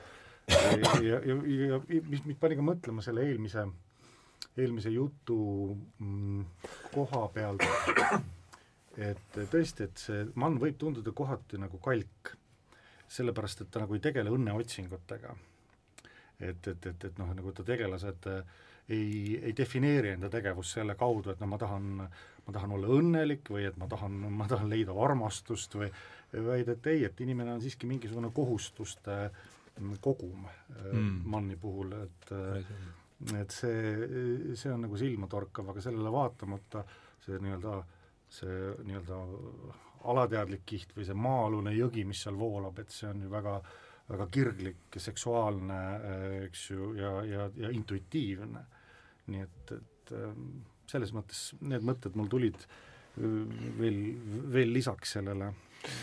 Minu arust eriti see, seda teatris oli peaaegu, ma kujutan ette, peaaegu võimatu välja mängida, aga üks minu arust väga oluline peatükk on see uurimised kus ta, kus ta minu arust Mann võtab, Kastrop loeb ju seal rõdul, eks, ja minu meelest ta võtab väga poeetiliselt kokku selles peatükis just selle teaduse hetkeseisu sellises äh, noh mm -hmm., kirjandlikus, kirjanduslikult väga nauditavas, nauditavas vormis, sealt tuleb seesama, eks, et elu on ja. see haiglaslik koe vohamine ja jah, jah, nii palju progressist, selles mõttes, et see, samas kui me mõtleme, mida see vallandas kõik äh, mida ka ütleme, teadus- ja, ja tööstusrevolutsioon vallandas, et ka ähm, noh, see, need hermeetilisuse võimalused äh, muutuvad ühelt poolt üha noh, võib-olla ühelt poolt kasinamaks, teiselt poolt on seda üha rohkem, sest et vist inimkonna arv oli, kui Mann seda kirjutas, pisut peale miljardit niimoodi siis hetkel on meid kaheksa miljardit, et see on juhtunud kõik selle saja aastaga sellesama nii-öelda heaolu ja progressi tulemusena, seega et nagu kogu inimkond on nagu selles mõttes võlumäele nagu trügimas või ronimas. Ja mu just viimane käik äh, Aasiasse äh, pani mind väga sügavalt mõtlema kõigi nende düstoopiate peale ja utoopiate, antiutoopiate peale, siis need Huxley't juba mainisid, eks ju, see hea uus ilm või kuidas sa seda elegantsemalt nimetasid, eks ju, seda. Et ma käisin Manilas ja ma sain aru, et, et seal on see noh, seal on see juba juhtunud, et Manilas on äh, hinnanguliselt kakskümmend kuni kolmkümmend miljonit inimest, keegi nagu ei suuda lugeda neid, ja seal on siis see alumine reaalsus, noh, nii-öelda kus siis põhimõtteliselt äh, rottide vahel kasvavad üles lapsed ja songivad sealt äh, tänava muda seest endale toitu, elatakse põhimõtteliselt nagu osaliselt neoliitikumis. Ja siis on see teine korrus Äh, kus siis sõidavad Skytrainid ja kus siis pannakse sulle juba küberneetilisi jäsemeid külge ja tehakse geenimanipulatsioone tõenäoliselt ja kus elatakse üle saja aasta ja nii edasi, ja need maailmad omavahel tegelikult kokku ei puutu. aga ühel hetkel ikkagi, ma usun, tungib see, mm, see alumine sinna ülemisse no, ka. see on see Dickensi aegne Euroopa sisuliselt on Manilas, eks, ja, ja nüüd see lõputu heaolu või üldise heaolu kujund ka ikkagi või äh, see ju hakkas ka ju pärast seda esimest maailmasõda nii-öelda see heaoluühiskonna loomise mõte, et kõigil võiks nagu hea olla ja paljudel võiks hea olla ja enamusel võiks hea olla. Ja, ja ka see mm, äh, mida ma viimati Londoni raamatumessil, kus Mihkel, mida oli üks peakülalisi, kuna Eesti oli sellel aastal siis äh, koos Läti-Leeduga äh, messi peakülalised ja, ja Mihkel oli ka päeva autor, mis on minu meelest nagu, nagu suurepärane et, et, et me sinnamaani jõudnud oleme enda Eesti kultuuriga, siis see vaatepilt ka, mis seal avanes, et on tõlgitud Eesti kirjandust umbes sada viiskümmend ühikut viimase viie aasta jooksul nii-öelda talgu korras hmm., et me oleme ka nagu normaalne suur, no, nagu normaalne kultuurrahvas ja kui me läheme praegu raamatupoodi ka, siis seda, sellist pilti, see on tõesti müstiline. kui palju on nagu tõlgitud eesti keelde teoseid ja et see tõlke kvaliteet seda ma ei, ka jah, ei väsi imestama. see on, see on suurepärane, minu meelest see annab eestlastele kõvasti lootust. ainuke asi, et siis peaks siia tooma neid inimesi ka sisse, kes seda kõike jaksaks lugeda.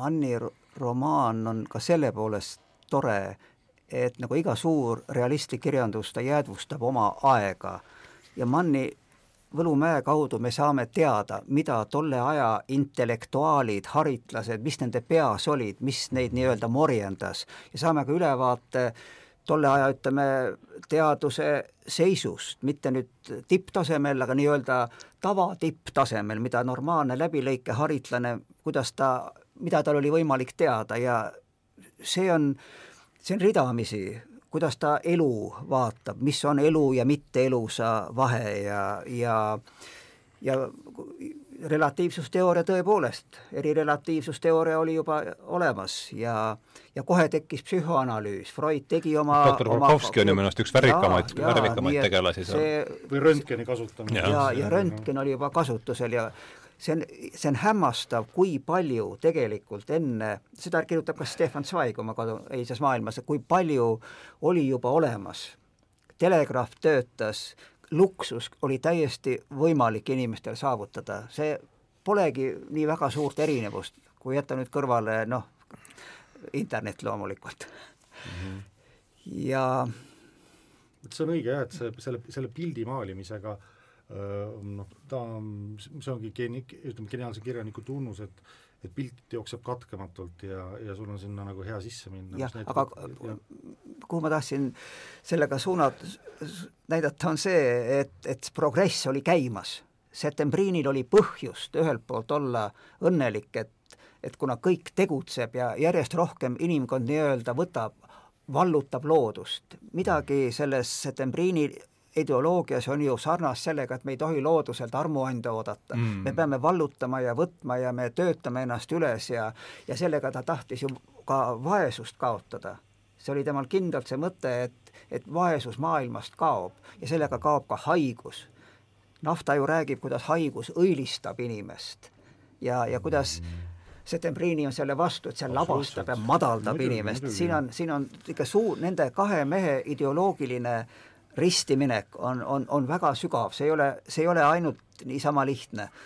ja aga, aga muidugi me võime siin ka see Mann on ju tegelikult dialektiline, Mann ise muidugi saab aru, et ristiusk Euroopa ajaloos iseenesest oli samm edasi, mille kaudu sai to toimuda alles järgmine hüpe edasi kunagi hiljem, renessansi ajal, sest kui antiikmaailm, mis oli Setembriini suur ideaal, kui see oleks jäänud kehtima, kestma samasugusel kujul, nagu ta oli viiendal sajandil, siis kuhu ta oleks jäänud, isegi kui barbarid poleks tulnud, aga kui ta oleks seal niimoodi olnud, me näeme ju Bütsansist, mis Bütsansiga toimus.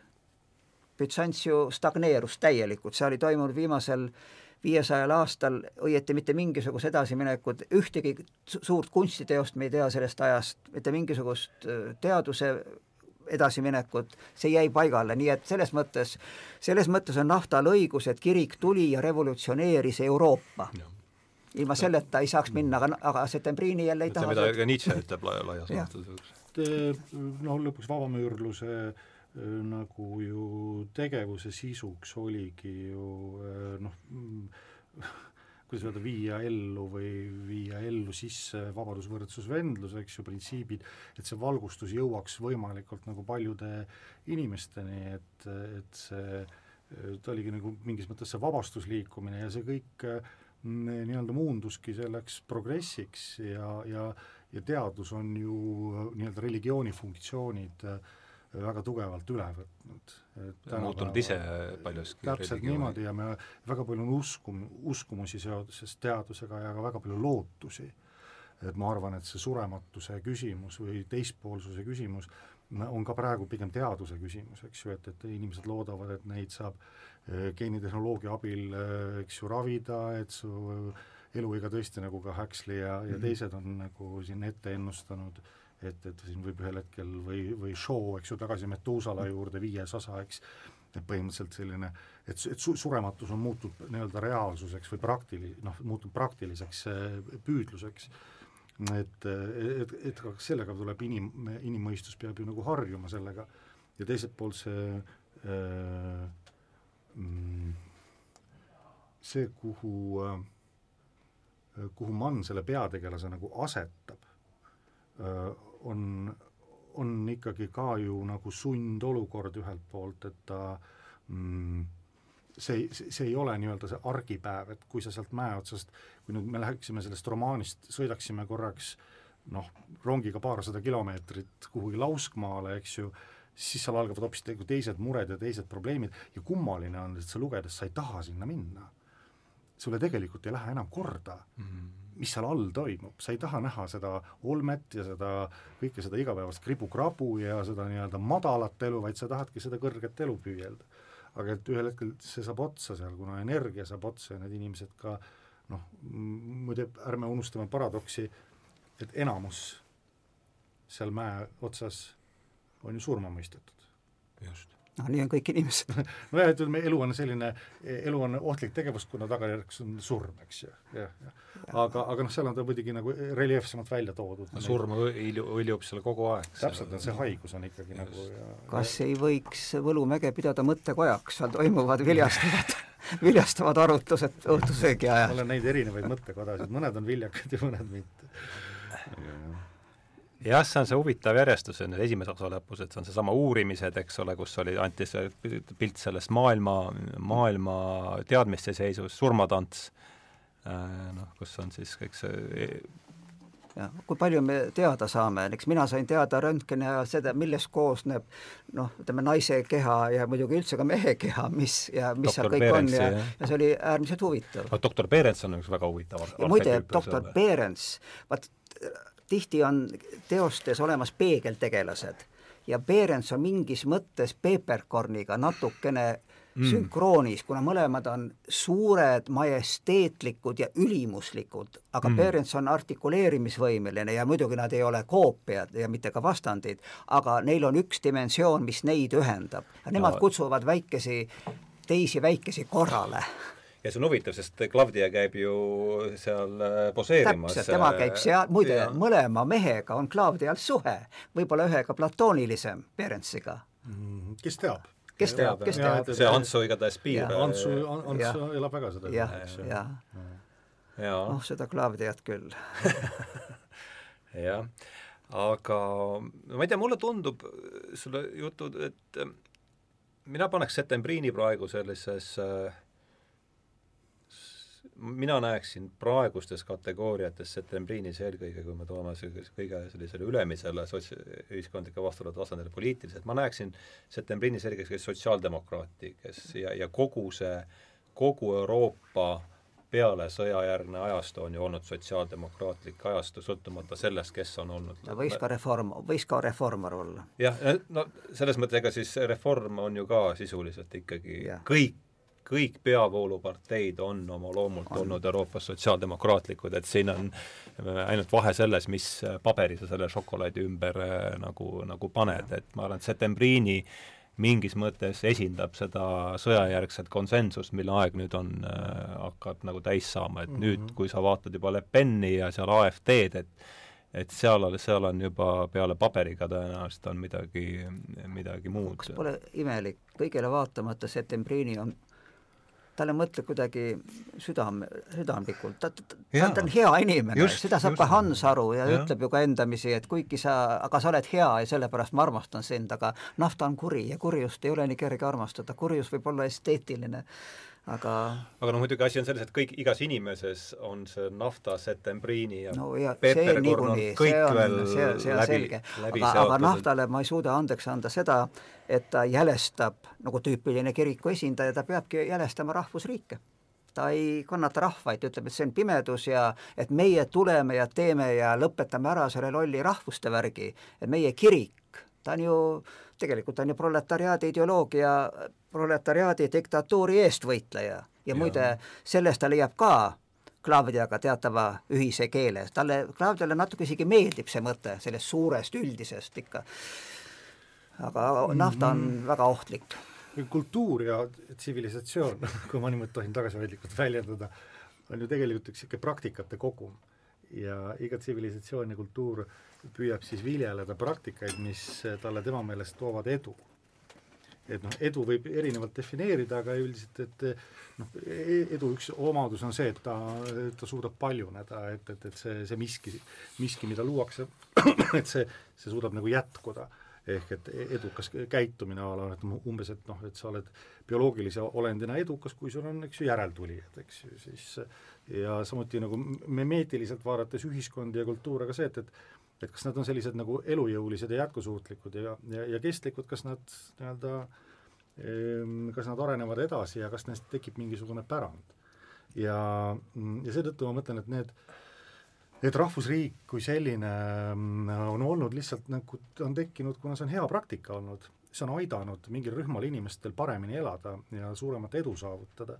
aga pole võimatu, et, et nagu lähedal on aeg, kus see noh, rahvusriik on pigem noh, siis selline noh, püüan head näidet tuua Eestis, noh et ütleme, et me siin noh, et meil on Teaduste Akadeemia, et me hoiame seda ikkagi veel püsti, eks ju, noh, akadeemikud saavad väikest, võib-olla isegi väikest tillukest raha sealt, aga me tahame, et see oleks olemas, kuna see on meile oluline, see kasu, see mõõdetav kasu on tema puhul noh, seda on, seda on keeruline mõõta, aga see kasu on, me usume, et see kasu on olemas.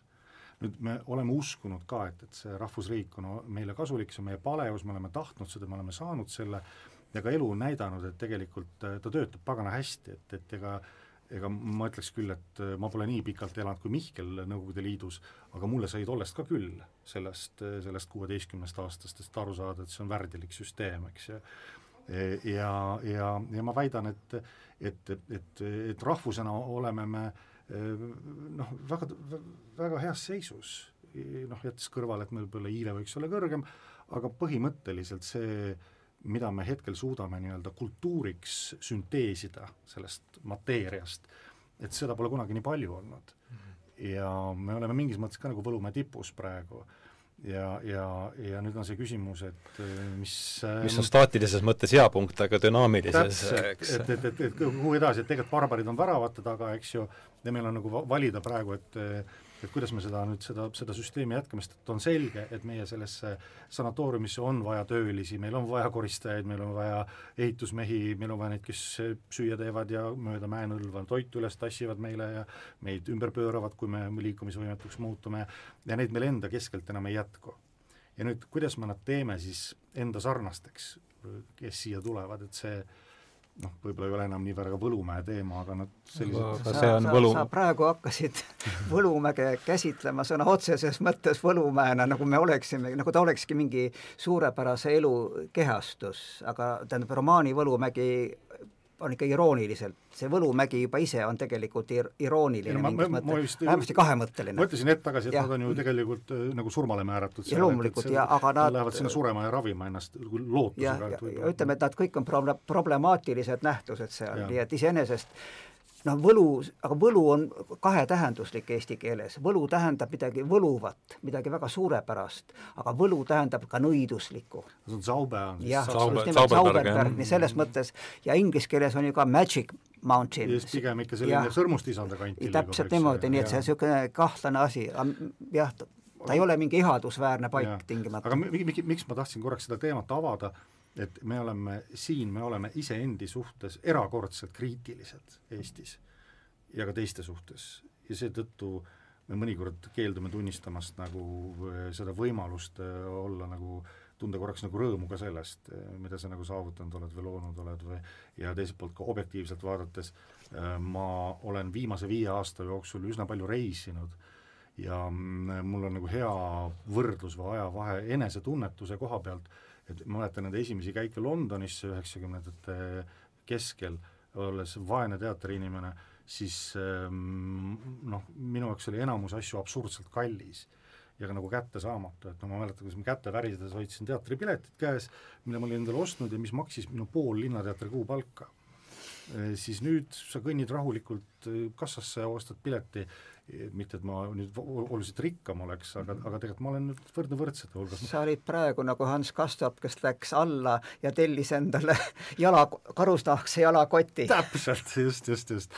ja, ja seetõttu me harjume sellega ära, et, et me ei, meile muut-, see, see on see nii-öelda uus normaalsus jah, mingil hetkel pool ju mõtled, Soome markade rubladesse tõlkimine oli täiesti mõttetu, seal puudus nagu suurem sellised see asi. jaa, et me, et me tegelikult oleme äh, oleme ka, et võib-olla meil, mida see, ja siis muidugi see hirm, et mis vist viimasel ajal on hakanud leevenduma, et kõik see ilu saab otsa. Mm.. et, et tuleb ühel hetkel arvad sa, et on hakanud leevenduma?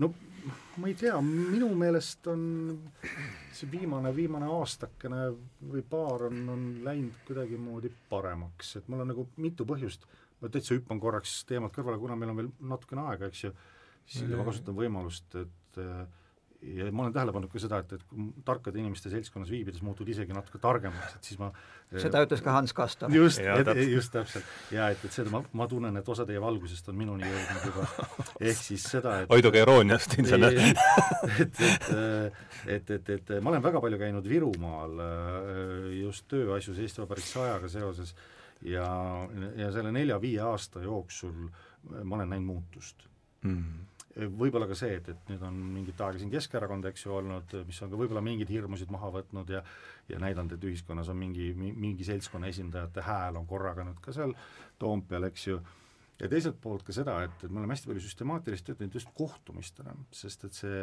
see meie ja nende see vahe, see dihhotoomia ja, ja see, see, see müür on, on päris kõrge olnud just sealse vene kogukonna vahel aga see, kui sa nagu teed sammu sinna ja asetad lauale mingi objekti, et noh, kas hakkame koos laste mänguväljakut tegema ja, ja püüad seda keelt rääkida nendega äh, ka, et tulla vastu paar sammu, siis ta teeb ka ise paar sammu sinu poole vastu, ehk et mm, et, et mulle tundub, et et pigem äh, need me, meile tundus aasta tagasi, et kõik noh, et siin on tohutult palju asju, mis lõhestavad ühiskonda, äh, aga ma arvan, et see, need, see lõhestumine äh, toimus peamiselt sellise intellektuaalide ja poliitikute nagu, nagu pinnal.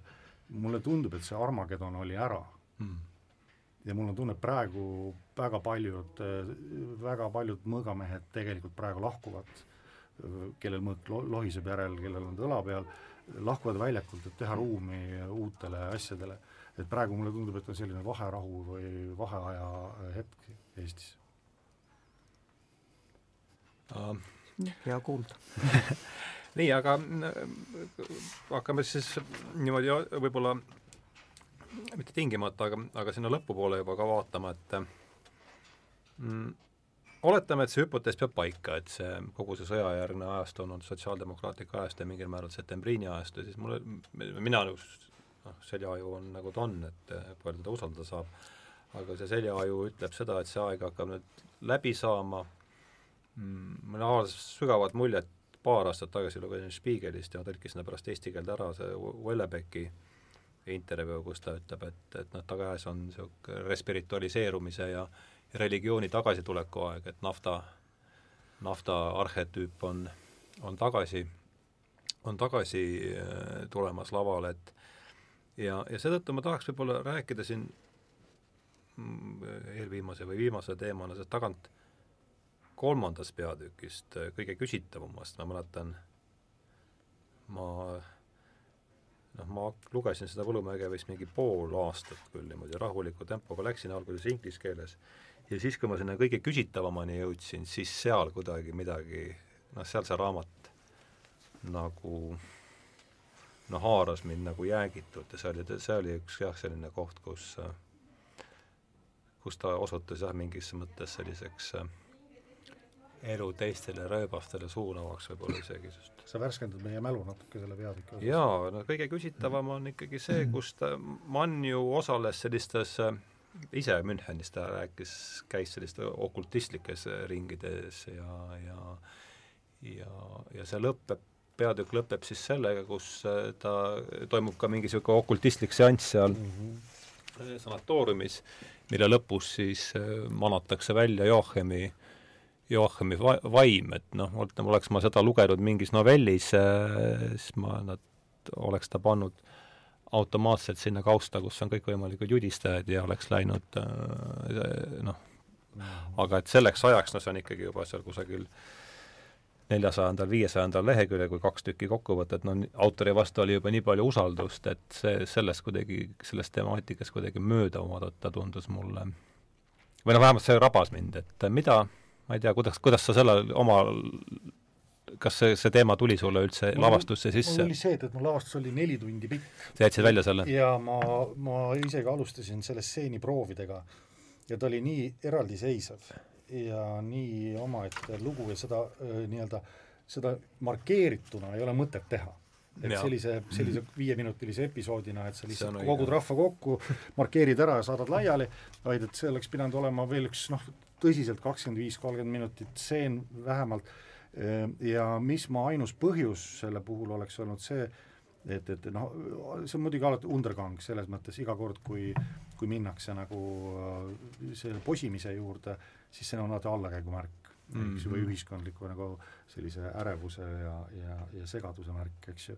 nüüd mis minu arust autori kujund oli, Mihkel, kes on ise ju kirjanik ja autor, võib-olla oskab seda äh, kas kinnitada või ümber lükata, et mulle tundus, see oli sellise nagu kaduma läinud süütuse et-, väljamanamine, sellise kaduma läinud puhtuse uuesti nagu noh, soov seda reinkarneerida või et see Joakimi sellist sirgust, selgust äh, nagu kuidagi noh, tuua tagasi nagu siinpoolsusesse, et et see mm, et, et, et see, see oleks olnud see kujund, eks ju, et, et et nagu kaos suureneb, entroopia suureneb ja siis see selline lihtne Euroopa inimene või noh, selline, selline nagu tuumik, saksa selline tuumolend mm., et, et, et, et noh, nagu mingis mõttes eeskuju ideaal, aga noh, see on niisugune lootusetu nagu üritus ju noh, seesama kui nagu see tõelise eestlase otsingud, eks ju, et, et aga vähemalt noh, nii, niimoodi saan mina sellest aru. ma võtaks ühe sammu tagasi, sa ütlesid, et äh, sotsiaaldemokraatlikud ideed hakkasid levima siis ja siis, tegelikult ei hakanud, pärast esimest maailmasõda hakkas tulema kõige tumedam kõige õudsem, mis üldse tulla sai, siis tekkis ju natsionaalsotsialism, siis jõudis barbaarsus tippu. ja just tänu se-, ja reaktsioonina sellele ja, hakkas, ei nõus täiesti, ma ei hakkas, hakkas just neljakümnendate aastate teisel poolel. jah, ja, siis hakkas aga selle vastuse katuse all me oleme, ütleme, elanud jah, jah, see on tõsi ja me oleme elanud õnne ajal nüüd praegu, see õnne kestab siiamaani veel. mida mõtles Mann selle väga suge-, erakordselt sugestiivse, kõige sugestiivsema episoodiga selles romaanis, seda mina täpselt öelda ei oska. mina võtan seda kui ühte elementi kompositsioonis, Mann on ju suur, nagu ta ise tunnistab, muusikaarmastaja, kõik on tema jaoks läbi muusika tuleb. ja kui ta räägib kontrapunktist ja kõigest muust, mis, ta võrdleb ju romaani ja sümfooniat sõna otseses mõttes, nii et see on üks särane element, eraldi tähendust, see, mis sa, Jaanus, ütlesid, ma olen, aktsepteerin ka seda täiesti, aga ma ei oska ise täpselt öelda, milleks see, milleks see vajalik on, aga ta istub sinna, sobitub sinna hetke Hans, Hansu käekäigus, kurikulumis, see toimub tal mitmendal aastal, kolmandal või iga, ei, teisel aastal, teisel aastal jah, teisel aastal, seal on veel pikk maa edasi veel ja see on antud ju lühidalt, kui me vaatame faabulat ja süžeed, siis esimese, esimene köide on ju esimene aasta praktiliselt. jaa, see ja aeg jookseb seal hoopis teise ja, relatiivselt. ja, seitsmest aastast viis aastat on antud edasi umbes sajakonnal lehel mm, -hmm. kui niigi palju mm. -hmm. nii et see tõmbub kokku. nii et äh, see ja see esilemanamine Joachimi äh, spiritistlik esilemanamine on nagu see punkt, kust äkki pärast seda hakkabki nagu minema mäest alla või siis Hans on juba ka enne seda, kui ta hakkab seda grammofoni seal ketra käima ja ta on juba kaotamas sidet jutt, mis talle siiamaani veel ühendas teda mingi Newtonliku aegruumiga, ta hakkabki libisema kuhugi mm. rela-, rela-, täielikku relatiivsusse ja, ja ta, ta hea, muutub, me ei tea, missugune ta on kuuendal kaunite helide küllus on seal ees, eks ole, just, jah. ja nii, et ta muutub täiesti mingisuguseks teiseks ja see on see punkt, kust peale edasi me enam eriti palju, no see jah, noh, see duell on vist, ei duell oli enne ära juba. ei, duell on järgmine kohe, duell ja. on suure ärritavuse lõpp ja siis on juba see ahah, no siis need mhm. kaks asja ongi see, mis nagu märgivad siis seda teatavat pööret, kust ja, peale ja, tuleb mäest alla sõit ongi, pikk ja laugjas ja, ja, ja, ja siis me jõuame päris lõppu välja mm. -hmm. jah aga päris lõpp, ma ütlen ausalt, mina ei saa aru päris lõpust ja mind see ei rahulda, ma mõistan, et kuidagi oli vaja Osalt jõele, jõele üks tamm ette teha, et nüüd on lõpp, muidu oleks võinud veel minna, aga see kujutamise viis ja see tasand, mis on enne lõppu, see on täiesti orgaaniline ja, ja ühes, ühes laadis. aga see lõpp on nagu mingi müt, müüt või mingisugune noh, ta, ta lõikub teisel tasapinnal ja lõpetab kuidagi ära mitterealistliku kirjanduse laadis enam, et nüüd noh, ta vaatab ju eemalt kusagilt ja me näeme teda kusagil ja ja see on niisugune nagu müütilise allegooriline lähenemine. autor jätab maha meid no ütleme jah, niimoodi, aga, aga ma, ei ma saan aru, ja ma ütlen, ma ütlen ka ausalt, mis, kui realistlikult läheneda, no kui, mismoodi pidi see Hans Kastorp sinna sõjaväljal ikkagi sattuma, ma, ma ei tea, ma, ma, ma tean, milline sõjavaimustus seal kõik oli ja aga ma millegi, miski ütleb mulle, et et ma, ma ei usu tema ärkamist rahvuslust, rahvuslusse või oma riigi patrioodiks või nii-öelda nagu öeldakse, nagu noorem põlvkond ütleb tänapäeval parema puudumisele. Et, et noh, võetakse selline nagu aga kas see on realistlik, et, et kas see on rea-, ma saan aru, et autori skeemi järgi, et ta saab mingisuguse erutuse Euroopa saab vapustuse.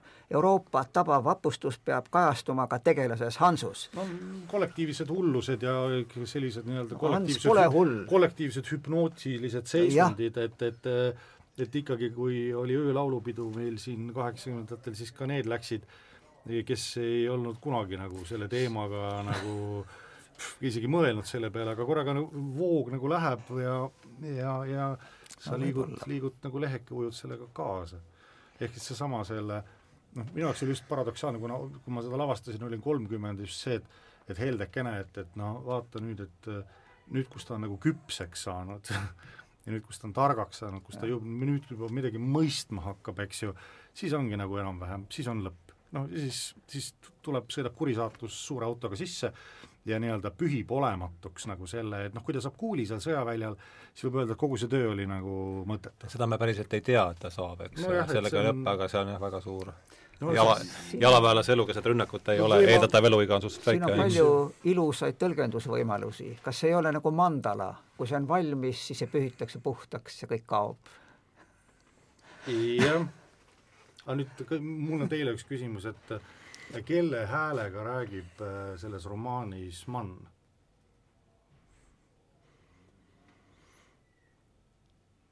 kui, kas seal on võimalik kas tegelase tegelase häälega, kas seal on võimalik autori, autori nii-öelda positsiooni või seda tema alter egot tuvastada kelleski?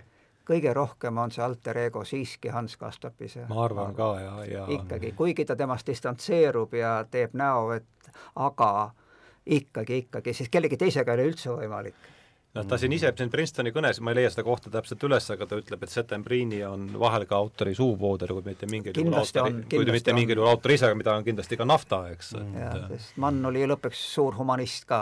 just, et see on ka suur julgus autori poolt nii-öelda asetada ennast sellisesse noh, ütleme avatud olekusse. aga kusjuures Peeperkorniga on huvitav, et seda teate, ma et Peeperkorni prototüüp oli Hauptmann ja ma olen ja. näinud isegi mm. Manni kirja, kus ta kirjutab Hauptmannile, et äh, oli küllaltki pahane, et teda niimoodi seal karikeeriti ja Aha. siis ta väga elegantselt äh, palub vabandust. tegi tast lausa hollandlase tegi hollandlase veel, jah. no hollandlastel on ka teatav reputatsioon või ütleme, säärane populaarne imago eh, sakslaste ja inglaste hulgas no nii nagu venelane on stereotüüpne tegelane ja kõikidel on oma stereotüübid see on muidugi huvitav, et seal sanatooriumi selles äh, söögisaalis on, mis oli ka päris huvitavalt lahendatud, et seal oli üks, üks halb venelaste laud ja üks hea venelaste laud, mis oli väga ka niisugune kõnekalt äh,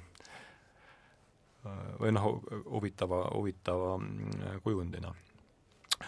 aga ma, ma ikka mõtlen, et mille, mille ümber siin käib see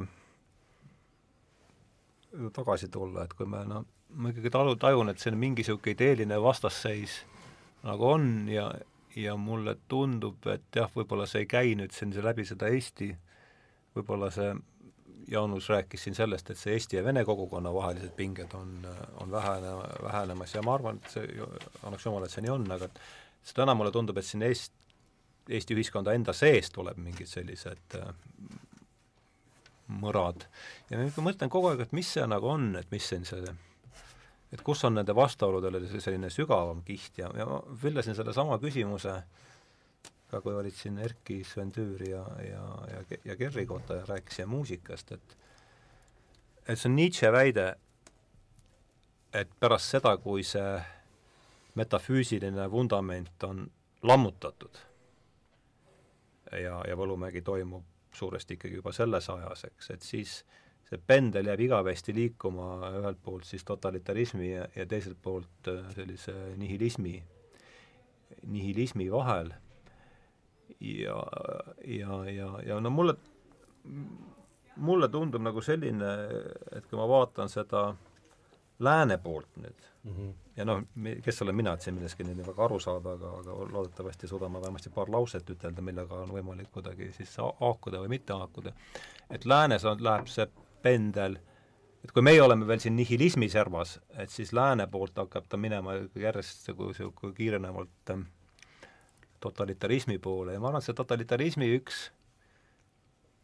üks selliseid äh, kandvaid ideid ongi, sest, sest maailmast on võimalik ratsionaalselt aru saada. et ta on, et ta on, kui mitte täna-homme, siis ülehomme mingisse ratsionaalsesse, ratsionaalsesse valemisse surutav ja ja, ja kõik, mis sealt jääb välja, seda tol-, sellest tuleks noh, seda elu tuleb suruda mingisse sängi, samal ajal kui siis see, võib-olla see, see teine pool, mida siin niivõrd-kuivõrd esindab nafta, ütleb, et et nii palju, kui me ka teaksime, et tõest oleme me ikkagi lõpmatult, lõpmatult kaugel, et et ma ei tea, kuidas sellest noh, ma, ma ei ütleks, et et see on totalitarismi monopol või tema defineerivamaid jooni, aga millega kindlasti on nende kahe väikese lobiseja puhul tegemist, on seesama vana küsimus, mida väljendab suur inkvisiitor kumb on rohkem inimestele vajalik? Mm, -hmm. kas tõde, kas äh, vabadus, muide Settembrini on ju protestantismi suur, mitte väga suur, aga ikkagi ta kohe selgesõnaliselt eelistab, kuna see lähtub inimese vabadusest ja hingest, samal ajal kui kirik on Settembrini jaoks see lamestaja, see jõuga peale tulev asi.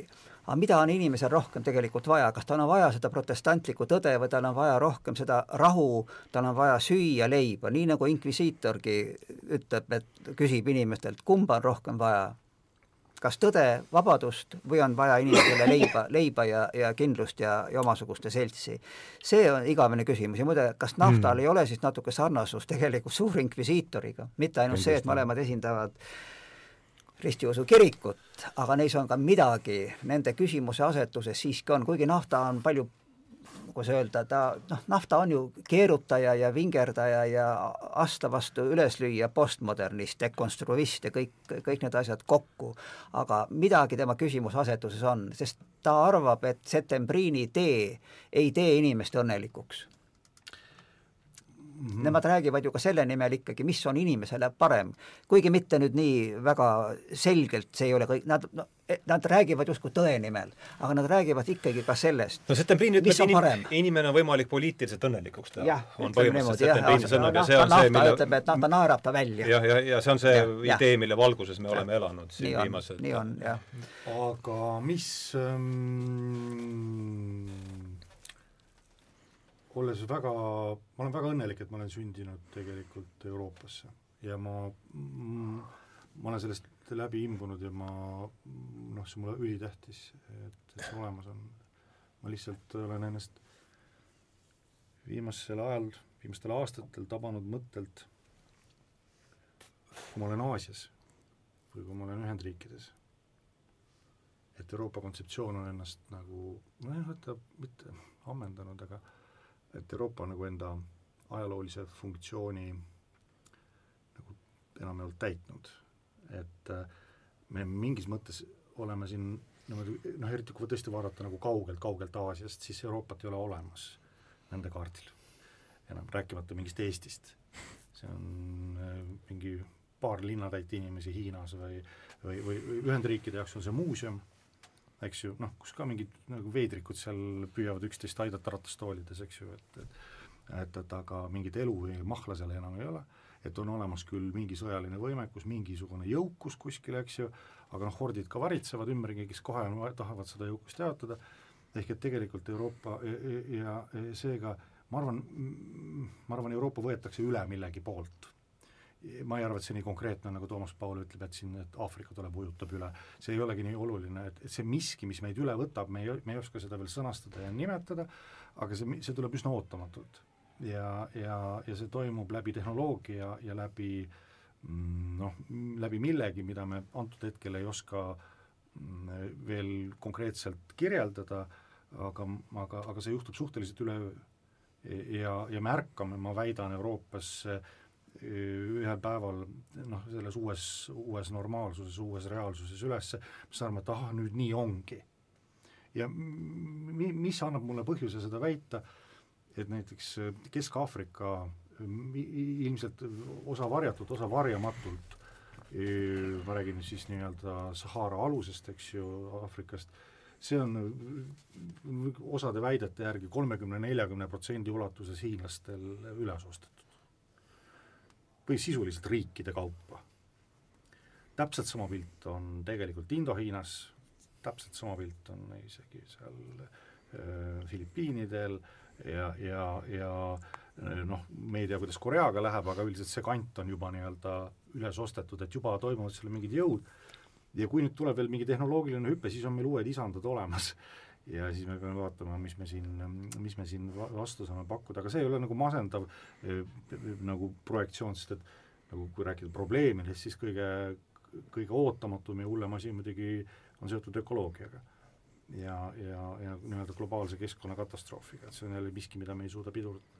et ses mõttes on praegu väga mõistlik, et Euroopa võtaks jalad kõhu alt välja ja püüaks enda nii-öelda kontseptsioone kuidagi uuendada ja värskendada, aga mul on tunne, et see sõjamürin ei ole jõudnud veel nagu kõrvu, et et elatakse endiselt selles usus, et et noh, et me saame samamoodi jätkata neid samu praktikaid kasutada, mida me oleme tahtnud ja noh, milleks on meil õigus täielik, sest et ähm, meie kõigi peas on see Eesti ju olemas ja, ja see Euroopa aga lihtsalt, et me ei tabaks ennast ühel hetkel sellest olukorrast, kus see kõik eksisteeribki veel ainult meie peades. et see füüsiline maailm on juba väga ära muutunud.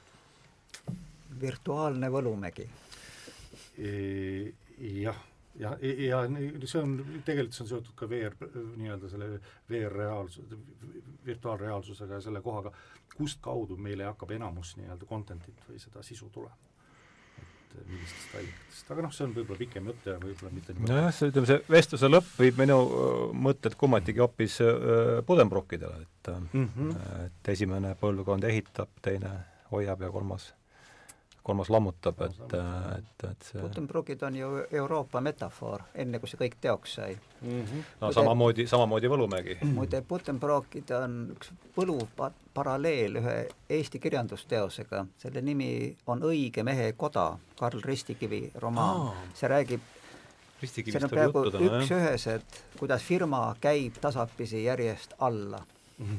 väga ilus jutt see ei lähe enam nüüd saatesse, aga ma sealt ütlen, mis, mis on, mis mind võlub selle raamatu tõlgete ja teksti puhul. omal ajal seitsmekümnendatel, kui mina hakkasin liikuma seltskondades ja suhtlema noorte hipide ja intellektuaalidega mm, -hmm. kui palju nii-öelda paroole läks sellest käibesse ah,. ja iga suur raamat ongi sellepärast tore, et sealt inimesed laenavad oma käibesse väljendeid. Need on aja jooksul muutunud, kuna sellest uut tõlget ei ole tehtud, tõlge on sama vana Marta Sillaotsa hea tõlge, aga seda on toimetatud ja seda mõned on, väiksed seda. nihked on toimunud. päris nii, suured nihked, ma ei ole mul on nii hästi meeles, kuidas me seitsmekümnendate aastate lõpul Viivi Luige ja Jaak Jõerüüdiga hulkudes, kuidas me kasutasime väljendit, et keegi on suure kaustaline inimene mm., aga praegu on see tõlgitud suure formaadiline. suure formaadiga, see näitab, aeg on edasi läinud meie, meie sellest Linnateatrist tookord läks lendu see absoluutselt. ja, ja, ja, ja. ja see nagu vahepeal oli täiesti kogu ühiskonnas kuid sellest mitte sõnagi enam ja mis seal kõik oli? absoluutselt, et see nagu töötas lõpuks popp-hitt. perfektne. aga teeme siis nii, et sellest mitte sõnagi enam, et äh, meie Tähenduse teejuhtide tänane saade oli siis pühendatud Toomas Manni suurromaanile Võlumägi äh,, saatekülalisteks olid lavastaja Joonas Rohumaa, kirjanik Mihkel Mutt ja mina olin, olen siiamaani saatejuht Hardo Pajula. tänan teid kuulamast!